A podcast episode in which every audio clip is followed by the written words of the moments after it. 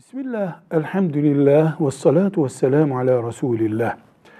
Özellikle devlet kurumları, Sağlık Bakanlığı öldükten sonrası için organ bağışı yapın diye tavsiyelerde bulunuyorlar. Vatandaşlardan rica ediyorlar.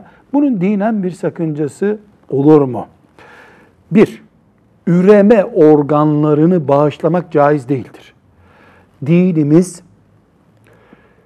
insan neslindeki karışıklığın ihtimali olacak şeylere de izin vermiyor. Üreme organları hariç.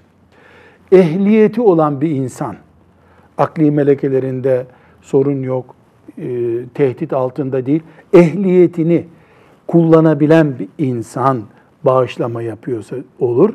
Bir de dinen ölüm cezası almış durumdaki birisine hayat kazandıracak bir nitelikte olmayacak bağışlar caizdir.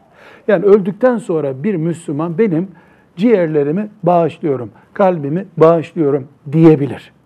Caiz bir şeydir.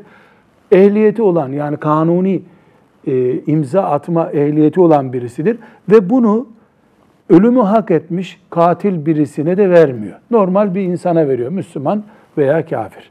Velhamdülillahi Rabbil Alemin.